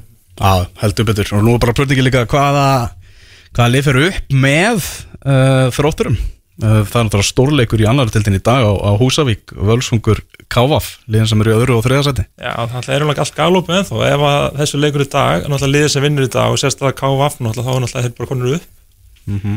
það er einfallega þannig. En ef Völsungur vinnur þá náttúrulega er aðeins það KVF í möguleika. En ef farið í aðtöfli í dag og, og, hérna, og Magni vinnur. Og þá er hann að hafa hérna nákvæmlega. ásán Jarvik þá ef þeir vinna þá í dag á móti leikni? Já, og það Kávaf þróttu vógum og Njarðvík Völsungur í loka umferðinni sko. Já, þetta er að, þetta er að klárast. Íslenski bollin er að, er að, er að klárast. Við ætlum að eh, vinda okkur aðeins í lengjudeldina, skoða aðeins atna, hvernig eh, þar, þar geta línur bara endalega skýrst í dag þegar að næst síðasta umferðin fyrir fram. Þetta er nú klárast í dag, þessi deild, Rabi að kemur alveg óvart til þér sko. Ah. þetta er svona þannig, en það getur líka allt úr galopið, það er svona, þetta er svo sem í öllum deildum í dag, við erum alltaf með bara veistlu í dag að hérna öllum á nóga leikjum en það getur hann að fara þannig að flesta deildi klárist í dag á topp og botni, en, en það getur líka verið þannig að það sé bara úslega leikir í síðast umfyrinni öllum deildum líka, en ég held að klárist í dag mm uh, Framarar í uh, náttúrulega löngubunir að að vinna þessa deild og núna er það bara spurningin hvort að þeir ná að fara í, gegnum deildina án þess að tapa leik og það er ágættis uh, verkefni fyrir þá í, í, í dag klukkan 2 í breiðoltinu, kórdrengir fram. Það er náttúrulega mjög spennandi verkefni náttúrulega fyrir, já, bara, eins og margir leikir í dag, mjög hérna flotti leikir, en nú náttúrulega er pressan einfallega fram er ekki, ekki svona flókin, en hún er bara einfallega að vera taplusir út í tímalið. Mm -hmm. og, og Kórdreikin náttúrulega er sínum síðastu sjæns þeir hafa ennþá möguleika að komast upp sem er alltaf bara ótrúlega staða að mínu viti í hérna í þessari deild að við erum 37 stig og, og eiga hérna ennþá tölfræðilega möguleika en til þess að það gangi upp á kortuningi þarf alltaf smetla hjá eða klikka, það er ekki smetla, það er í öfvátt kannski í BVF, að þetta er að klikka algjörlega en, en þetta er skemmtileg stað og þetta verður ykkur hörkuleikun en það er alltaf gaman að sjá framann að fara í 60 stig, það verður frábært Já, mákvæmlega. Framarar búin að fá mikið lof hjá, í fjölmjölum Sabjörn og, og það verðskulda. Já, þeir eru bara búin að vera langt besta liði þannig að skiljanlega hafa fengið mikið lof fyrir þessa framistöðu sína Mm. Ég bara komið inn í leik í dag þá held ég að þeir klári þetta verkefni og, og fari taplustu gegnum deildina Mm -hmm. eða hvað er ekki, að þeir ná stíð þetta þá eru búin að sitja stigamett Já. Ég held að það sé svoleiðis þannig að þeir þetta tímabölu búið að vera ótrúlegt eini svona smá svarti blettunum finnst mér er þetta byggartap á þannig móti í að ég skildi það aldrei hvernig, hvernig sáleiku var settur upp en, en það skiptir engum máli í stóru myndinni Já, það var áhugavert svona, þegar bara te- teldu fram varaliði innan gesalappa á móti, móti skamunum, svona tönguðu bara byggarnum. Ég held að að hugsunum verið svo eða hvað sem ég veit ekki hvað meginn hugsa bak við það, en að að dreifa leikjálægi og sama tíma líka all, allir fókusin væri á, á hérna dildinni og klára það með trompir sem gera svo, svo sannarlega og, en auðvitað gaman að fara áfram byggar en það er oft áhrif líka á dildina Mm -hmm. Þannig að framarar hva- og bara tímabilið á næsta ári hjá þeim, þar að segja í efstu deild, hversu vel heldur þú að þetta lið sér tilbúið Rabi að takast á við það að fara í, í Pepsi Max? Sko við höfum alltaf séð síðast ára liðið fara upp bara með góðum árangri og svo lenda oft í, í brasi en við erum alltaf sjá núna í pepsildildinni að mögulega leiknir og keflaði bæði halda þessu uppi og þeirra sem ekkert bætt vissi kannski eitthvað svakalug en svona kannski styrt ræðin ákveðin stöðum en, en ég held að framanni halda sínu mannskap og, og fara upp með þetta liða þá er ekki mikið að bæti en, en það er alltaf eins og við vitum oft gott að fyrir upp um delta það er að styrkja kannski riggin Ó, í leðunum og, og hérna hvort þið gerir það en þá er það komið ljós en það er líka að fyrir eftir hvað alltaf fram alltaf að stefna alltaf þess að fara enn lengra heldur bara að vera í 8. og 9. eða, eða 10. þannig að það en, ég held að þetta er feiki öflut lið og vel sett saman lið. Já, ég talaði við þarna framara sem að uh, fer nú á langflesta leikiliðsins og hann vil menna það að þeir þurfa að, styr, að styrkja sig í, í hverju línu, fá einn varnamann, miðjumann og sóknamann bara í, í byrjunalið og svona talaði um það kannski að Já, þráttur þetta sé langbæsta lið deildarinnar og, og rosalega margir jafnir leikmenn líka, það er einhvern veginn þó menn sé að detta út, þá kemur bara maður í mann stað og allt þannig, það er kannski margir sem eru svona, já, vottaðir efstu deildar leikmenn í þessum, í þessum hópi. Nei, nei, þetta er náttúrulega margir stand sem hafa fengið náttúrulega gott tækifæri í efstudeld og, og svo sem staði sem er samlega þar en, en ég er svona alveg sammála því að það er oft mjög stert að fá þau ferðu upp með deildir að, að styrkja þessar stöður og, og það er líka til að aðeins bara breyka hópun og fá kannski þannig að sem maður að tala um það vantir kannski bara svona einstaklega sem kunna að spila deildinni þekkja hvernig er að berjast í þessu og, og, hérna, geta leikt á hérna fjölmörgu leikmenn áfram í aftur góðum árangri Þeir eru náttúrulega vandalega að þurfa að fá sér hægri bakur þegar Alex Freyr er að fara. Já, hann er að fara, ekki Jú, ég held að það sé nú bara að staðfest. Og, Já. og svo svona, held ég að þeir þurfa að fá annan framherja. Einhvern svona, einhvern markaskorra þó svo að þú veist, miðjan getur nú alveg veist, komið að flestu mörkunum þá, held ég sé gott að vera með eitt svona sem potar inn reglulega sko. Mm Markmannstæðan ætti að vera í góðum álum Óli Ísholm lítur alveg svakalega vel út. Búin að frábær og þetta er að gengi upp hjá hann vendunum þetta að vera láni frá breyðarblik og koma tilbaka og fram og tilbaka og allt það en, en hérna hann er ekki nýbúin að skrifa samning, samning líka áfram? Þannig að hann er bara flottur og varna lína flott og liðið bara heilt sér náttúrulega, þetta er langbæsta liðið deildinni. Og hérna við erum ennþá að tala um eftir 20 umfyrra þessi tablisir þannig að það er bara geggjur staða. Mm En valið á, á leikmanni ásins er það ekki bara hefur er það ekki bara auðvelt? Er ekki alltaf Albert Hafstensson sem er leikmann ásins í deildinni? Já, það er náttúrulega er hann og við erum líka náttúrulega með Kyle sem er frábær og og stýrt varnarinn frábærlega en ég held að Albert Hafstensson verði leikmann ásins, jú, mjög líklega. Mm, Ekki sammála því saman Jú, hann hefur átt svona besta tímabilið en mínum að þetta er besti leikmaðurinn svona bara gæðilega sé er það bara Eður Aron en Albert hefur átt svona heilst eftir á tímabilið og verið góður bara í öllum leikjum Já, það er bara þannig. Uh, En svo segir nefnir hann að Kyle. Það er leikmaður sem verður spennandi að sjá líka. Mjög svo, mér finnst hann hérna verið frábæri fyrir þá og bara örugur leikmaður sem við rætt svo sem við áður og hérna hvort sem það er í loftinu eða fótum og, og allt það og ennlega fyrst og síðast er hann mjög feikilega öflugur varnamöður og, og hérna, það gefið mikið og eins og við vorum að tala um það hvort þið vantið þá fleiri mennin í þessa líki stöður og ég meina að fær annan sterkan hafsend sem að þú sem framhæra með marga fína hafsenda með kæla þá ertu og í kringum hann þá ertu komið mjög öflugur vörð með góða markmann og, náttúrulega framhæra í sumar ef við tökum bara þess að þætti þetta er það lið sem er náttúrulega á flest góta marki í sumar og ásand IPVF og, og er það lið sem að hérna heldur bolta ein, einna best í deldinni mm. -hmm. þannig að hérna og svo kallega eins og tölum við þetta SG náttúrulega eru þeir efstu þar á blæði þannig að hérna með rúmlega tvö mörg sem ætti að vera skóri leik og hafa náttúrulega að skóra það líka þannig að þetta er bara mjög öflugt lið og gaman líka fyrir félag líka að fara á nýja völl. Þeir náttúrulega tók ákvörðu sín tíma að vera í Safamýrinni fara á lögatsvöllinum og er í Safamýrinni og hérna og náðu einhvern í hjartaninu í félagi og all, öll átöku kringu félagi eru bara á horfin og virðist að vera og þannig að vera virkilega gaman að sjá það. Mm heldur betur. Uh, Kórdrengirnir uh, það eru þeir ekki að fara bara að blása í herlúður að spýta í lofa fundu lyktina af efstu deild hérna í, í sumar og, og þeir vilja vantilega bara taka skrefið síðan alla leið á næsta ári? Jú, það er svona, þeir náttúrulega hafi verið að gera það. Martin á að tala um áðan að þróttun hafa alltaf verið að bæta sig og Kórdrengin hafa gert enn betur í því kannski að það síðust árið að flóju upp töflunar og alltaf verið bætingu og það er alltaf erfitt fyrir Kórdrengin að bæta þriðja fjóðarsætti sem enda í ár. En það er bara spurning hvert að horfa líka inn á liðið sitt með hvað geta gert betur og, og hérna og hvað er það sem þeir geta svona leik, þeir að ná öllum stigum á því einfallega að þeirra possession í leikjum er minnst það í deildinni. Þeir halda boltanum minnst inn á liðs öllu liðum, mm -hmm. marka má tölfræði sem þetta nálgast að hérna og skjóta sjálfast á marki og annað, þetta er greinlega öflut varnarlið og, og skora og nýta þeir færi sem þeir fá vel. Að þetta er svona lið sem er búið að finna það á einn skinni hvað svona þarf til í þessari deild. Bara, bara þú veist, þessi eins bara reynslan að vera í eitt ári í deildinni gefur alveg feikilega mikið og, og bara Davís Mári búin að örgulega sjá alla leikina hjá öllu liðum veit svona nákvæmlega hvað þarf til á móti hvað, hvaða liði sko. Já, það er náttúrulega þannig sko. En uh, IPVF fer að fara að mæta þrótti á Hásteinsvelli. Uh, Er þetta ekki bara 3-4-0 fyrir IPVF?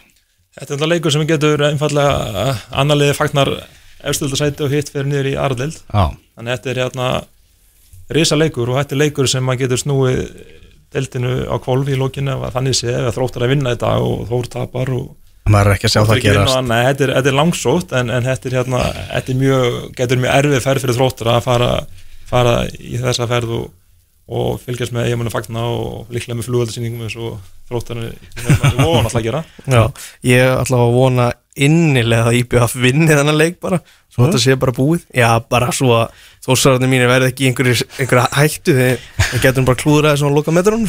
Já, förum í þósarna á eftir. En já, eigaliðið uh, talaðu náttúrulega um Eið Aron sem er búin að vera alveg stórkostlegur á, á þessu tímabili. Var samt í smá brasi hérna í, í fjölnisleiknum. Meðan hann hérna, hvað heitir hann? Bakari, Já, var, var í smá, smá vandræð með, með hann. Það er svona það er einslu mikil framherji og það er svona smá challenge fyrir Eðaron í þeim leik en þú veist svona framan að leik var, hann, var ég að íhuga að bara velja hann mann leiksins svona þangað til að fjölni skoraði sko. Mm hann var búin að vera mjög flottur og það er bara svona, svona öryggið einhvern veginn, þú veist, hann er með alla línuna einhvern veginn coverað, hann leikskilningurinn er það góður. Mhm. og svo undir lokin var hann kannski hvað næst bara því að jafna leikin hann þannig að hann segir svona sitt, hvað, hann veit hvað þarf til sko. -hmm. Búið að vera heljarna tímabil hjá, hjá eigamönnum þetta er náttúrulega já, þessi klúpur vill bara vera í efstu deild það er bara þannig og mikið lagt til, já, til, a, til að komast þangað og, og það var svona það var Olga um tíma í, í upphæði mótsins talaði um, um uh, stöðu helga sig og, og allt það en hann er heldur betur að, að klára þetta verkefni með, með stæl alveg frábælega, hann alltaf byrjar að ítla þannig séð og tapar hann fyrstu hvað tveimur og ekki nema tveir sigrar í fyrstu fimm leikjum þannig að það er svona kannski erfið byrjun en, en það ég held svona einstaklingar svo Eður og fleiri sem var alltaf miklu leiðtóðin að velli og, og í kringum félagi að þeir hafa hjálpað Helga og fleiri hjálpað stað til þess að ná þessu frábæra árangri og, og ég held að eiga menni bara fullir að skila að fara upp og var gaman fylgjast líka með Helga fara upp um deild og með hérna hvernig þið komar inn í, í mótið hann í ári? Já, alltaf svona með að við svona leikstílun á mútið fjölni eins og þetta var að spilast þá, þá gætum alveg sé þetta virka með, þú veist, kannski öggbetri leikmannum í sumum stöðum. Því að þú veist um leið og þeir skora þá verða þeir rosalega þéttir. Það voru virkuð svona aðeins þreyttir skilu þannig að ég, ég get alveg séð þetta svona virka í efstu deild bara með kannski, já, öll sterkari leikmannahópi sko. mm uh, Svona, já, líkt og, og framlið þá svona þegar þeir komist á skrið í BVF þá fóru, fóru bara allt að virka. Allir að koma með eitthvað að borðinu. Já, já, og koma þannig sér svona kannski hægt og rólega tilbaka úr, úr slagri byrjun og, og einhvern veginn svo tölum um bara þeir eru svona missa út ákveðin leikminn hérna, Jón Ingan alltaf búin að vera frá og, og fleiri en Eður og Sít og Haldur Páll og fleiri, það bara eru frábæri, frábæri sumar og, og einhvern veginn svona virðist vera, rói yfir í bjáf líka og samfélag kringum allt í kringum helgalega hefur einhvern á saman og þannig að þetta er að ganga vel og, og ég held að það sé ekki hefur mikið orð að er það eitthvað vaksla í þessu í þannig Já, nákvæmlega.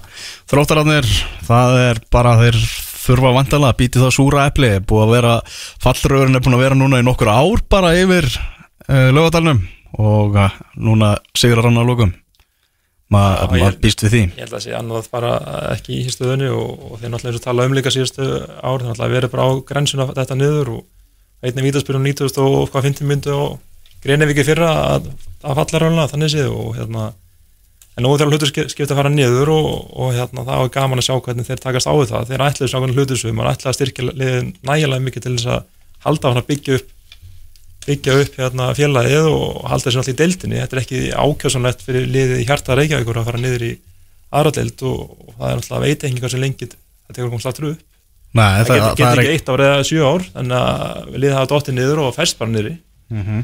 Þannig að það er svona kannski þróttan að þurfa að vera klókjur hvernig það ná þessu aftur í gang og þetta er stórt félag með mikla sögu og, og, og ágæði stuðnusmenn líka þannig að það er svona og líka bara eins og í Guðlöfu nefndi bara í, í vor og hann ætlaði sér hluti ætlaði sér að byggja upp liðið til frambúðar og hann er svo sem ennþá þeirri veðfæri en, en klárlega baksla í þeim, þáttum Já, heldur að lögi verið áfram með, með þróttarana? Ég held að já, mér veist hérna þegar þeir eru réðan þá var langtíma ráning og, og honum og sam og, og hérna ég held að kemur óvart að það er breyting á því. Þeir eru hérna hljóta átt að svo því að þetta geti bröðið til ekki að vona allir svona alls ekki niður en, en hérna allir að styrkja liðin og vel en það er einhvern veginn ekki nást, nást að þeirri stemmingu að þeirri get til að halda sér uppi en þannig að það er ég held að ég kemur óvart að hann færi á þú veist, Rabbi, sérðu fyrir þér einhverja svona leikmenn frá, frá þrótti samt vera, að horfa á það að þeir eigi skilið að vera í efstu deild eða næstu efstu deild og fara ekki með þrótti niður. Við ljótum alltaf að vera að tala um að þeir séu áfram í lengjadöldinni Já, já, lið sem er kannski, er engi svona kannski rísið hæðist en Baldur Hannes og Róbert kannski Hauks hafa kannski verið svona þeirra svona mest spennandi menn í sumar þannig séð og, og hérna til þess að halda þessi áfram í deildinu en ég held að sé ekki svona einhver þeir mun ekki missa mikið af leikmunum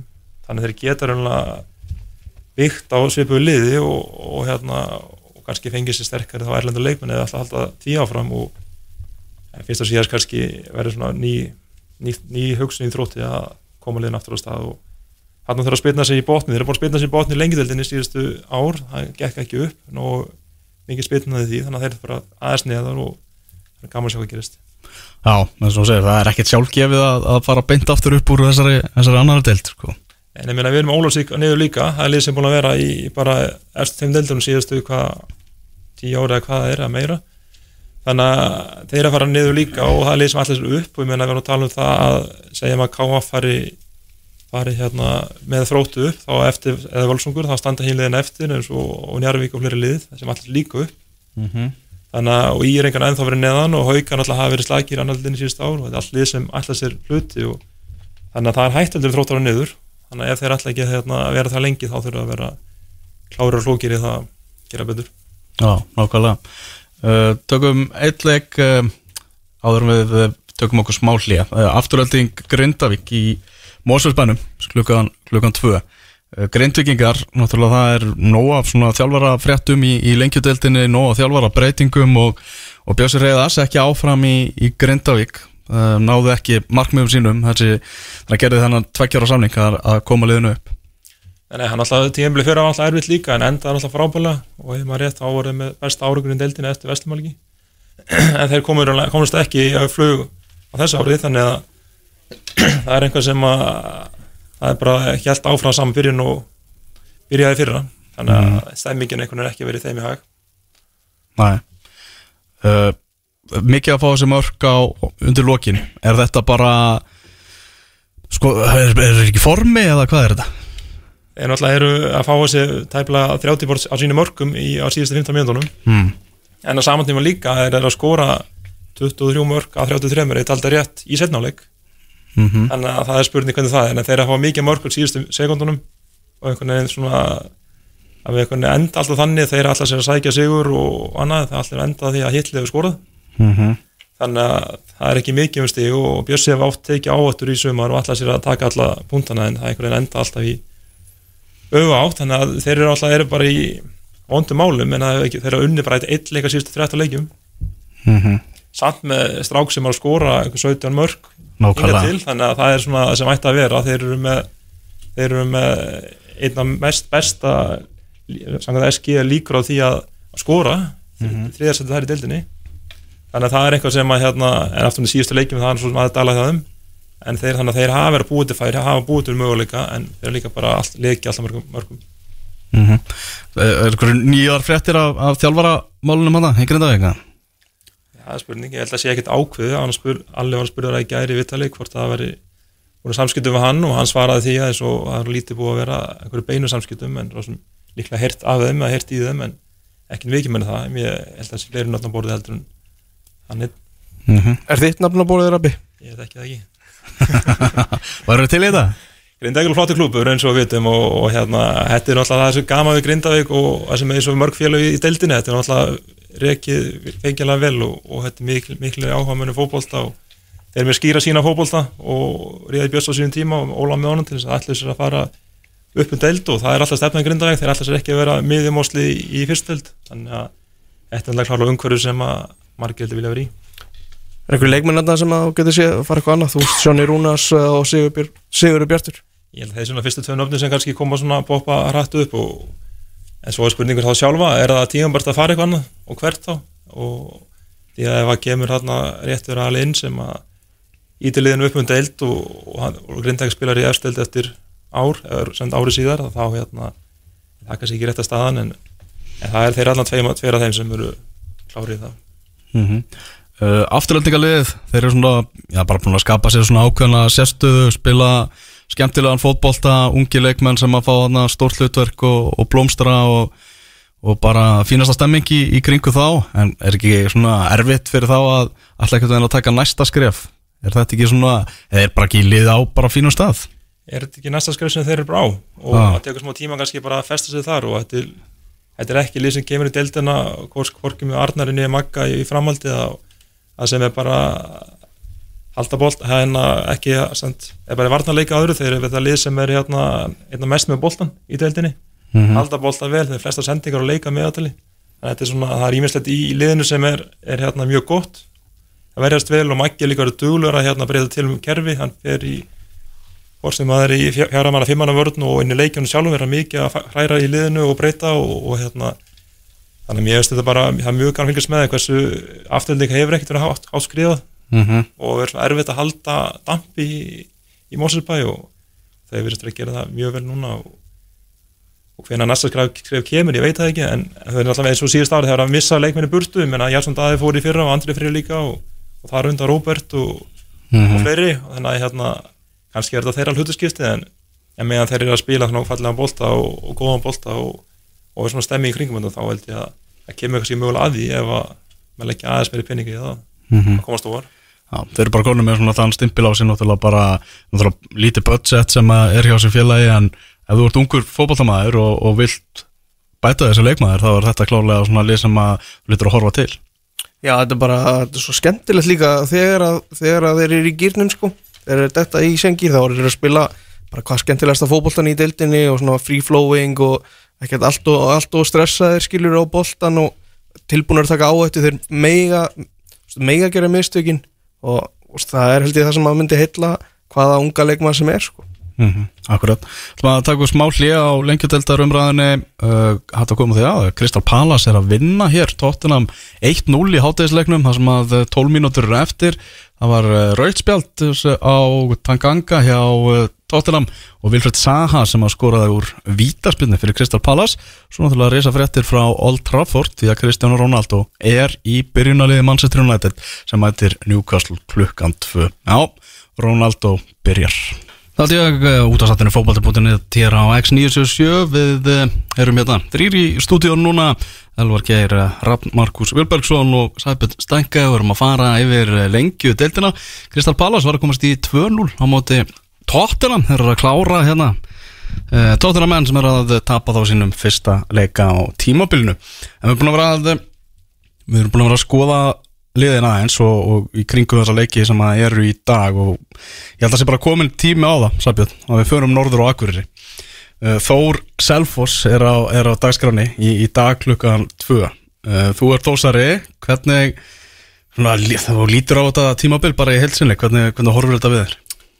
Vombrið Já, það kemur ekki á orð Það er fyrsta orðið sem að kemur upp. Uh, Sko, ja, svona, þetta er svo kaplaskipt af Því að þetta byrjar ekkit sérstaklega Svo kemur þessi góði kapli með mitt tíðanbili í, í Svona þegar alvar að fara og eftir að hann fer Og svo kemur bara Já, bara Eitthvað mesta marka þurði í manna minnum Og gengur ekkert Og Storri hjáltalín í Já, svona neikvæðar fréttir í kringum hann varandi Jakob Snæ og, og hérna dómar að tuða og svo leiði sko. Mm mikið af meðslum, þetta er svona allt gengi á afturfótunum já, bara síðasta ein, einu og hálfa mánuðin cirka held ég.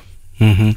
Þegar Orri Hjaltalín er, er ráðinn þá náttúrulega er þósara svona mikið að ræðum það allar þessar þjálfara breytingar sem að vera hjá þeim undan frá ára en enginn að haldast þannig í starfi. Nú er Orri mættur fer í fullt starf og, og það er einhvern veginn sagt bara að þetta verður þjálfari þós næstu árin. Uh, hann en, klárar ekki tímabilið þetta er einhvern veginn já bara þeirra hugmyndir fóru algjörlega í vaskin á þessu sísóni Þetta er, eiginlega að koma aðeins svona óvart að marga nátt að hérna eins og við tölu, við tala um áður að við sjáum fram að þeir var að sækja sér þjálfara sem ætla að vera hann í fjölda ára ná einhverju svona jættvægi á, á hópin og liðið og allt í kringum þetta.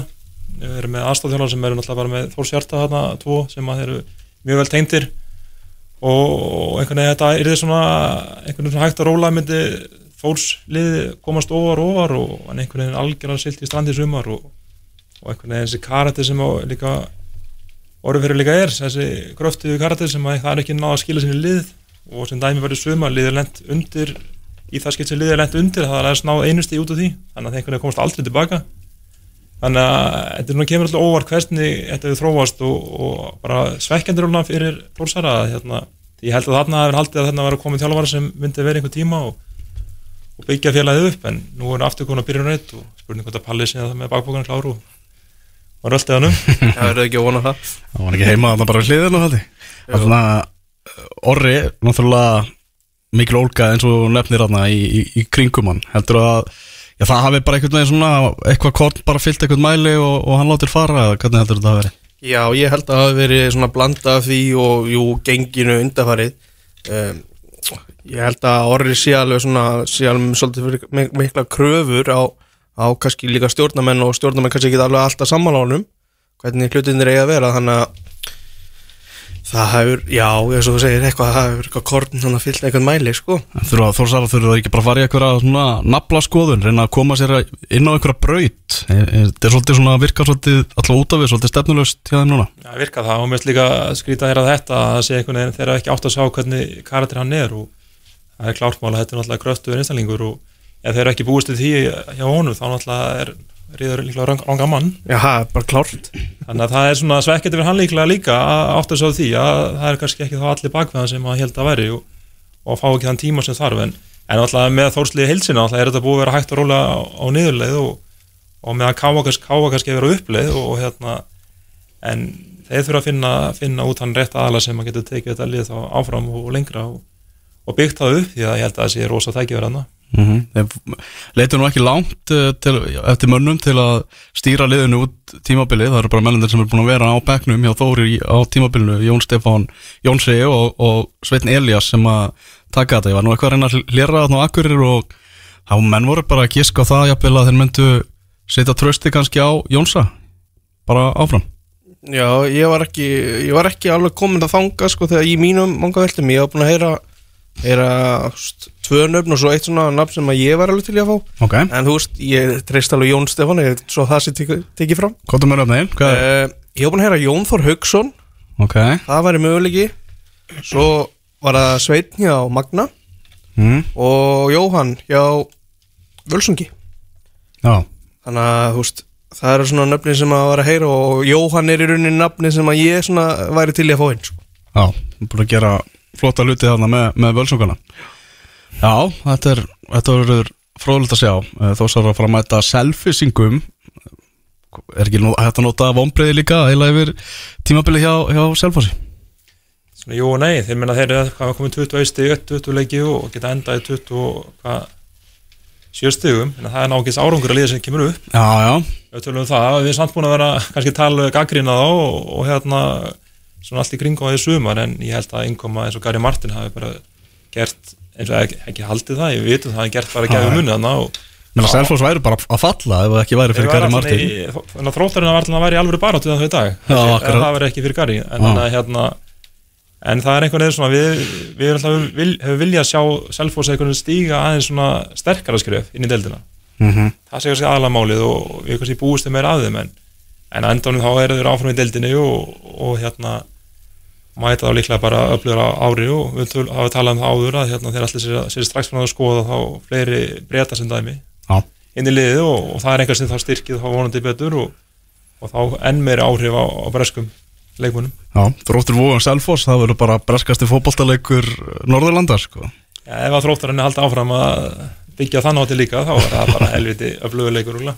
Já, uh, Víkingur Ólafsvík er að fara að gefa á móti gróttu og uh, Ólsararnir já bara voru alltaf með í þessu móti, stimpluðu þessu út bara strax í byrjun, Gauði Þórðar ráðin sem þjálfari og náttúrulega ráðin áfram þegar hann semur, þá semja við hann já, út næsta tímabil. Þeir vissu það að þeir voru á leiðinni niður þegar Gauði, var tekin inn. Þannig að þeir eru bara að búa sig undir það að vera undir hans stjórn og hann fær núna veturinn til að uh, svona móta liðið fyrir, til að reyna að koma þeim aftur upp í, í lengjadöldina Já, já, hann fær tíman áfram og, og held að séu svona, þeir eru búin að vera í smá eftir að eiga búin að út, búin að vera náttúrulega með, með Gunnar og Jón Pál og, og svo náttúrulega líka Guðjón í fyrra en, og aftur núna, þannig að ég held að það séu svona ákveð jættvæði þá að liðan náðu að halda hann áfram en, en fyrst og síðast þannig er þetta bara vombyrið að tíðanbíl og vombyrið verið ólsara að fara niður og, og þeir allir sér að byggja ákveðna stefnu og byggja því að vera með yngri leikmenn og breyta þeir svona sínu kúltar í sínu félagi og fá lánsmenn úr úr bænum og, og byggja upp stráka og annað og, og það er einhvern veginn þeir áttu þessi held ég hægt að rúla og, og svo tölum bara með tíðanbili þá breyttu líka um stefnu þeir letu lánsmenn marga fara og tóku nærlega leikmenn í staðinn og, og það er svo sem engu breytt á þessi tíðanbili en, en þeir þurfa náttúrulega kannski bara helsina að endur sko hvað þeir ætla að gera til langframa og hvert er, hvert er stefna. Mm Það er leiðilegt og, og svona pirrandi að horfa á fótboltalið sem að já, hreinlega bara gefst upp bara eins og Víkingur Ólafsvík gert bara í mörgum leikjum í, í sumar þar sem að séur bara, menn bara hætta þeir hætta bara að leggja sig fram. Já og samt með svona mikinn reynslu gall í, í þjálfun og, og þeir náttúrulega er að fá þessi hvað 71 mark í 20 leikjum? Og þeir eru ekki nema reyndar er, það er næst sísti árangurinn í næst flest mörki sem liða fengi á sig í þessari deild eftir Ölsungi sem er kannski 85 mörk mm -hmm. 2013 sem er alltaf ótrúlega árangur en hérna þetta er svona mannist ótrúlega að sjá það hvernig liði getur og með þessa báða þjálfara hvort sem það er Gunnar eða Guðjón að skuli enda þannig að liði einhvern veginn gefst upp og vant allir kari til liði Já, nokkulega og þú veist uh, keke, þú veist fyrirliði hjá þeim að fá hvert rauðarspjaldi á fætur öðru og, og bara einhvern veginn svona menn að missa hausinn sko. Já, já, meni, hann er komið þrjú rauð í sumar. Já, eitt var endar ósangjað að ég maður rétt markmann átti að fá það en, en hérna einhvern veginn uppæði tíðanbölis en, en það er sant alveg, hann far alltaf mikið á spjöldum á sig og, og rauðum og menn eru bara ekki ná að halda neðu takti og, og hafa bara ekkert ná neinum, neinu árangri. Mm. En nú aftur bara að sína sig svona ég hvað bara magna starf sem Egu Púrisevits gerði með þetta Ólafsvíkulið Já, þeir, bara, ráði ekki við það þegar hann fer. Nei, nei, það gerði síðast sama hana Já, rétt fyrir 2000, um 2009 eða eitthvað, en hérna og það er náttúrulega bara, já já, hann gerir það og hann einhvern veginn er að halda saman og, en hann er samt með sömu einstakling kringu sig og það er nú öflugur einstaklingar sem eru baku félagi þannig að það er svona aðeins svekkjandi hversu, hversu mikil vægi hans hefur verið því að auðvitað skiptir þjálfari máli en, en öflug stjórn skiptir líka máli og þarna einhvern veginn vantar upp á einhverja þætti. Mm uh, Gróttuliðið sem er að mæta Ólsurum í dag hvernig þetta tímabil hjá hjá Gróttu þar sem við erum að tala um við erum með nýju sigra átta tap, tapleiki þetta hefur verið bara svona já, köplót yfir allt tímabilið Já, það hefur verið það. Þetta hefur verið svona samt með markasta mannin sem er alltaf leiðindir í burtu en, en hérna að þeir eru ekki verið nóg ógnandi yfir höfuð og ekki ná kannski svona, sem við kannski voru að vonast eftir að mögulega getur farið ekki komin með sína reynslu úr, úr fyrstöldin áður og svo eftirdeld og aftur tilbaka og, og nýtt hana bjötun en, en svo er svona spurningi heilsinni hvað, hvað er viljus á grótuna, er hún kannski bara grótamenn í góðum málu miða lengi dild mm -hmm. og hérna að tala um það stabilusi, hitt var alltaf mjög slengi stökk að fara úr annar, í efstu dild á einu stökkinu þannig séð og, og hérna og það er alltaf verið aftur breyting hérna Gústi er alltaf eftir út þannig að það er alltaf þjálfara breyting og, og þá aftur kannski hversi langt náður að halda sinni svona,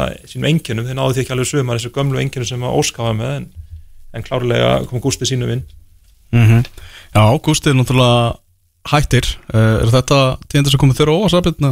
Nei, ekki sérstaklega. Ég með svona sá, sá þetta svona eitthvað megin ég, Ef ég hefði þurft að gíska í mitt mót að ég haldi að myndi að fara eftir tíðanbili ekki, ekkert eitthvað árangurstengt ég bara, þetta var bara eitthvað svona tilfinning. Og þú veist, Gústi gert bara fína hluti að þú veist, auðvitað ætlaði grótt að, halda sér upp í fyrra og ætluðu sér að vera í toppartunni núna en, en ég veist það svona veist þið bara svona sína að þeir séu bara gott lengjudelda lið? Og eiga alveg húst eiga alveg sens að vera í æfri hlutanum þar ef að rétt er haldið á spilunum. Núna verður þetta auðvitað erfitt þegar að Pétur Theodor fer sko. Mhm. þá þurfum við að finna aðra lausnir í því. En þeir eru bara með góða leikmenn í, í sínu röðum. Mm uh, hver er að fara að stýra gróttu? það er stór spurning, hver er endað þar? En ég er bara ekki hundu það. Nei, sjálf það það er búin að vera einhverjar, einhverjar vangaveltur um það Sabið mm. var ekki, var ekki aðstofma Gústa, var ekki svoleiðis? Það var að tala um, já, englendingin hann já, hvað er það, Kristoffer held ég. Sem að Kristoffer Artur Brasil sem að uh, er búin að vera, já, akademið þjálfari frá Englandi sem kom að það er búin að vera í, í starfi, starfinu hann já, á Seltjarnarisinu, það er verið að orða hann við það Mhm. að það er, það verður spennandi að sjá, er, er spennandi að taka við gróttu núna, Rafi?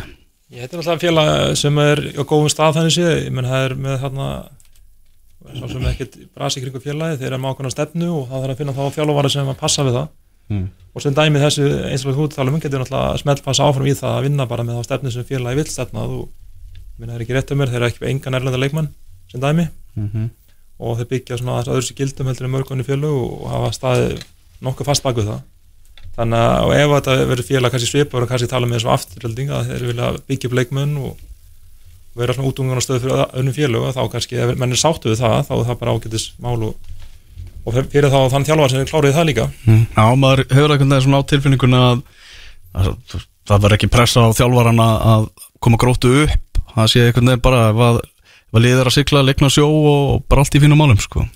ég held sér fyrir eitthvað pressa á þjálfarnum að, að vera að búa til leikmenn og vera að kenna leikmennum og þjálfa leikmenn og menn séð svona ná framförum. En að þeir leikmenn sem eru í gróttu séð alltaf í, í bætingu og, og séð hérna sína betri takta í áreldur en í fyrra. Þannig að ég held að það sé svo pressa sem er í gróttu en ekki endilega að fara upp. En auðvitað vilja vill lið sem búin að finna smjörþjóðan því að fara í efstöld og kannski vilja marki kannski náþangað áfram en, en ég held að sé svona ekki endilega krán mm. þeir eru ekkert að fara að segja nei ef að miðið er möguleiki á að fara upp sko. Nei, nei, nei, alls ekki, alls ekki.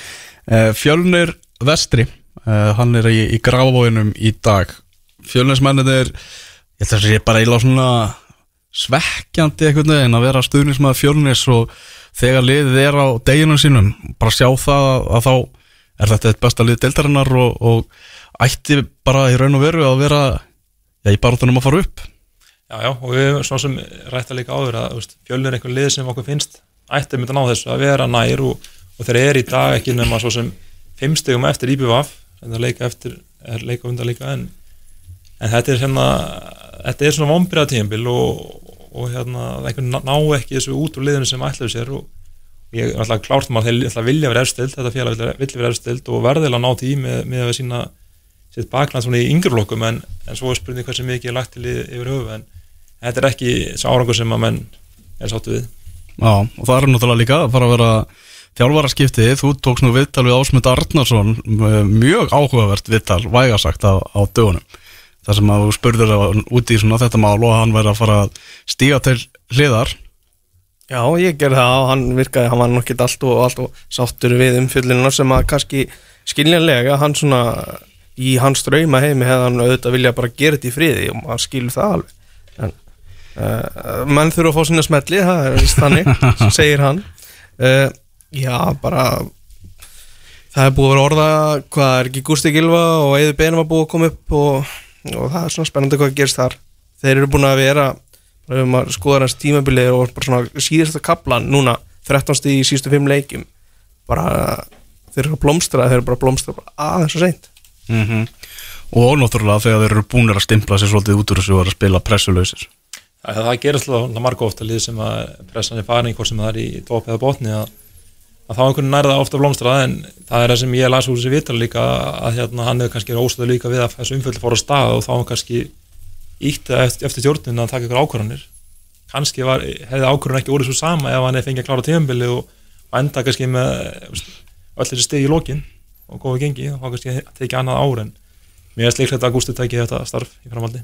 Mm Ég meina Margot búið að tala um það það er risastórir yngri flokkar og, og það er á að vera hægt að gera ímsa hluti þarna með þetta fjölislið og þetta, veist, þessi klúpur á að vera í efstu til Ég held að eigin alltaf enginn er efstild, ég held að það sé ekki, hérna, er ekki sammálað því að einhver eigi að vera einhver stað sem er, við erum með kórdrengi sem eru hvað stíja undan eða ekki og þeir eru Mhm. með tvo leikmenni í yngri lokum eða eitthvað, hvað sem það er.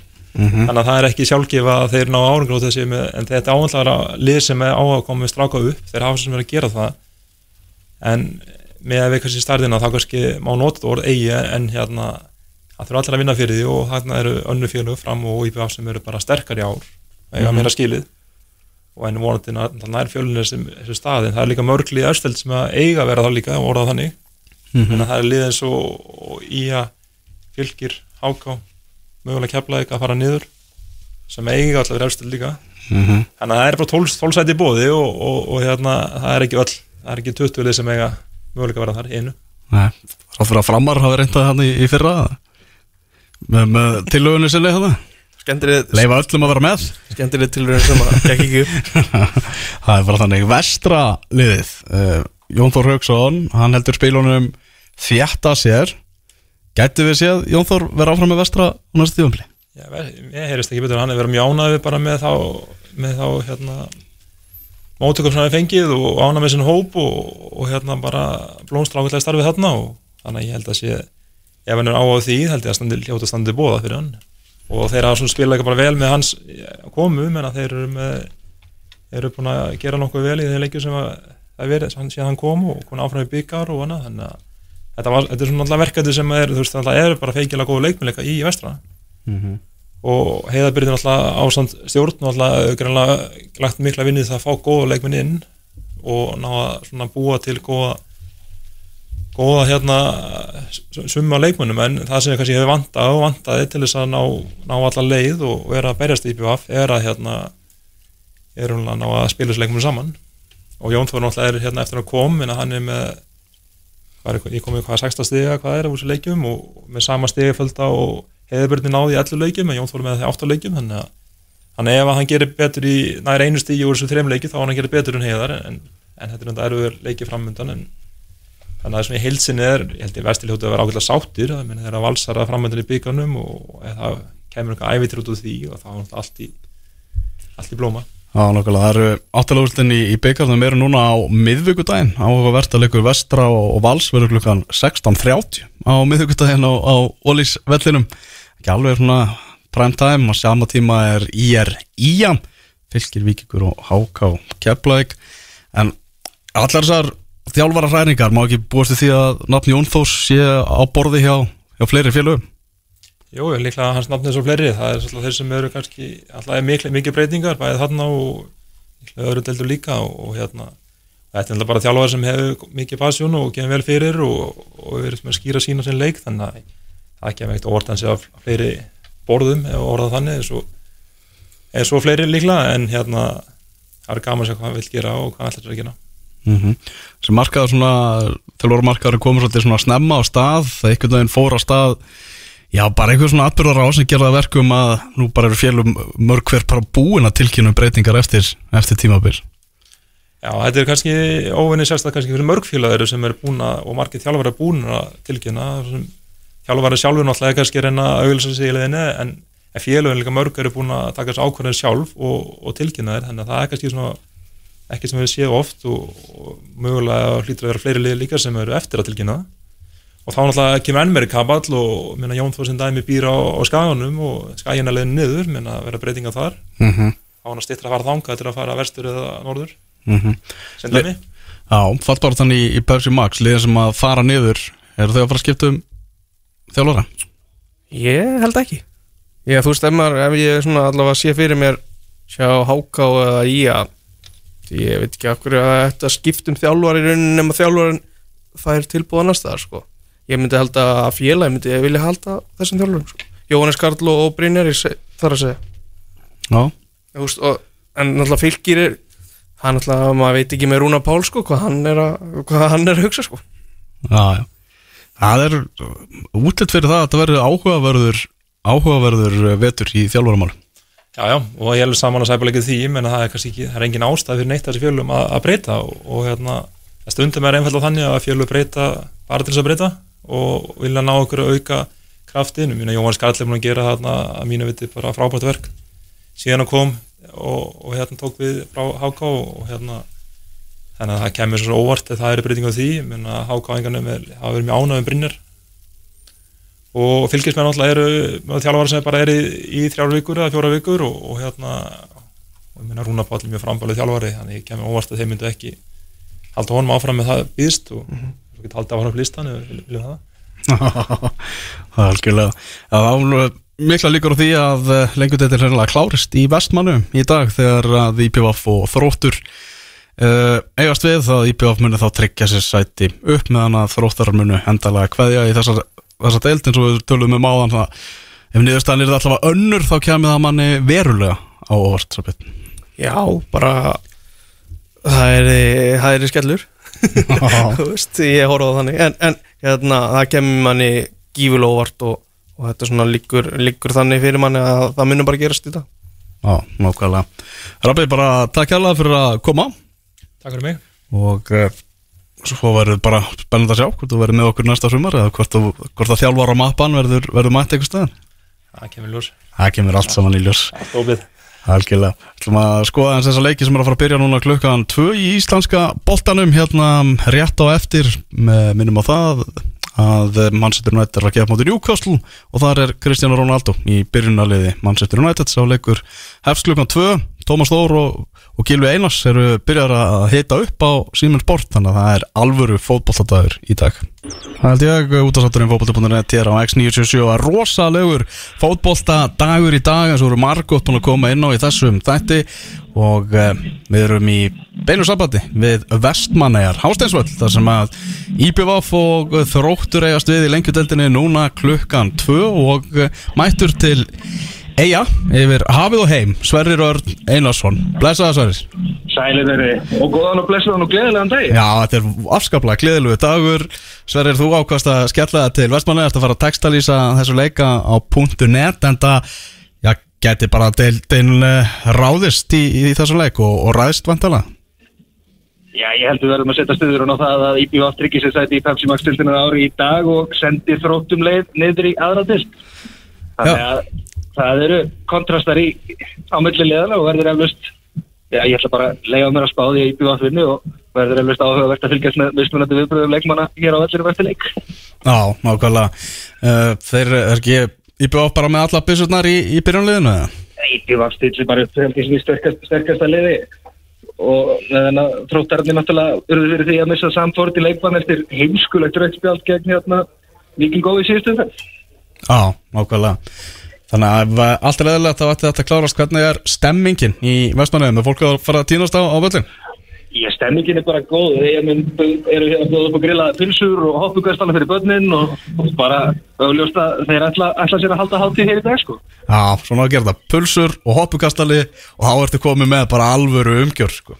Algjörlega, íslenskt, íslenskt á að verða sko. Já, nákvæmlega Hvað var í sjóin?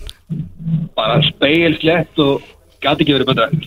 Aðstæður er allar upp á tíu, búið að vera skíjað í morgun en ég er að segja að það er að koma sól og blíða. það er að koma sól og flýða uh, Hvernig spáir þessu leik?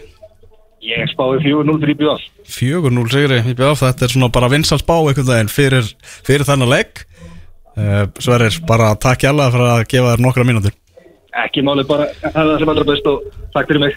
Heyrjumst, já, það er Sverrir í Vestmanniðum og er að fara að textalýsa þessu leik. IPVF og þróttar, það er mikið í gangi og það eru ja, allir á vaktinni á .net í dag, ég held að séu alls 11 leikir í betni textalýsing í dag. Já, það eru, hvað er það, nýju sem eru strax núna klukkan 2 Já, nákvæmlega. Það er alveg álag bara. Já, það er náttúrulega nóg að lengja þetta leiki núna klukkan 2 og svo er það þríleikir í Pepsi Max-deildinni sem er að byrja núna einnig á þessu tíma. Ía leiknir á Skaganum, hann er síndu beint á Stötu Sport. Keflavík KR í Keflavík og svo KA Fylkir á Akureyri. Eh, eitthvað áhugavert í, í byrjunlegunum uh, Já, það kemur pínu óvart að Davís Nær er ekki í leikmannhópi keflaugur Ok minnist ekki til þess að hann sé í leikmanni. Mm. og svo kemur Kitty Jóns uh, Super Sub inn fyrir Greta Snæ hjá KR mm -hmm. þannig að Greta settur á bekkin fyrir tvekja marka manna, það er kannski alveg skynjanlegt Jakob Snær er áfram í byrjunalegi Káa og, og Aron Snær er mættur í marki á fylki. Þannig að það er eitthvað þar. Og svo hvað Manga Escobar, hann er ekki í leikmannhópi leikni sem vantarlega vegna að meðslu og Octavio byrjar. Já, Octavio Paes sem að það er hérna sjaldgefan byrjunleisleik Já. Já, þetta verður áhugavert. Víkingur HK, þú ert að fara á heimavöld Hamingjunar á, á eftir og textalýsir leik Víkings og HK Já, þetta verður þetta er spennandi, mikið undir náttúrulega hjá báðum liðum sitt hvort mennta töflunar og, og ég held að Arnur hafi sagt að verið þrýr leikmenn sem voru tæpi fyrir leikin þannig að hann er sennilega bara ákveða núna hvort þeir sé að fara að spila eða ekki. Já, okkarlega Og svo er alltaf stórleikurinn á Kópáks velli í kvöld þegar breyðablík og Valur efast við. Wow. Hvað, hvernig er það að spá þeim leik? Ég ætla að spá 1-2 Valur. Að Valur vinni í Kópáðinum? Já. Vá, það myndi heldur betur setja allt í háa loft. Þetta er verulega áhugaverð umferð. Að ofan í þessu það eru örugglega margir sem hafa þurft að velja milli þess hvort er alltaf að kíkja á völlin eða hvort er alltaf að vera heima í sófa og að sjá endurkomu Cristiano Ronaldo. Við erum að horfa hérna á myndir frá Old Trafford og það er stemmingin góð. Menn að bjóða Ronaldo velkomin beint í byrjunarlegi með hann. Kristal Palas vann 3-0 sigur á mötu tóttina Já. Eftir rauðaspjaldi þá bara hrundi allt hjá Spurs og, og Patrik Vieira sildi stegunum þreymur í, í hús. Er ekki fyrstu sigur við erum í dildinni? Jú, held að það sé rétt og fyrstu ósigur tóttina í deildinni. Leikindin sem er að byrja núna klukkan 2 í ennsku úrvarsdeildinni það er Arsenal, Norwich, eh, Brentford, Brighton, Leicester, Manchester City Southampton, West Ham og Watford Wolves á samt þessum leik. Manchester United og Newcastle. Chelsea Aston Villa verður í dag klukkan 16.30 Já, ég mæli bara með því að mjúta allar fréttir um uh, Manchester United Newcastle og, og fylgjast bara með íslenska bóltanum og taka hann bara eftir val breyðablík í kvöld. Taka bara tímaflækir bara gangi ykkur vel að reyna að komast ekki að því hvernig, hvernig leikur er fór sko. okay. Þetta er, já, er alltaf svona hann, það er offrambóð að fótbolta alltaf á þessum tíma þegar íslenski boltin er að klárast og, og Evrópadeilin er komnar á, á fullt skrið. Já, þetta er, þetta er rosalega lögadagur Sérstaklega lögadagurna því að enski er nú aðeins róleri á morgun og, og engin, engin Pepsi Max kalla allavega þannig að klárast Pepsi Max hvenna á morgun þannig að það er alltaf nóg að gera sko. Það er nóg að gera, það er bara þannig. Uh, Þessi þáttur er á enda komin uh, Var svona ákveðin samsviða í, í þættinum í dag. Tóm var uh, með mér hérna fyrsta hálftíman þar sem við rættum svona um helstu fréttir vikunar og, og annað slíkt í boltaheiminum. Svo þurfti hann að fara að skella sér í stúdióið og er núna að stýra uppbytun fyrir þannig leik Manchester United og Newcastle. Svo tók við gott lengju lengju ringborð þar sem að Rafmarkus Vilbergsson var með okkur og einnig ringdu við í vona í Martin Æginsson frangvöldastur og þróttar vóum, maður gaman að heyri honum. Það var létt yfir honum. Og svo heyrðu við náttúrulega í okkar eiga manni Sverri Erni. Já, Það er búið að gerast í Já, heldur betur, búin að taka púlsinn víða, en það fullt í gangi. Út af sattinu fókbalti.net kveður þennan lögadaginn, verðum að sjálfsögðu á dagskrá aftur eftir viku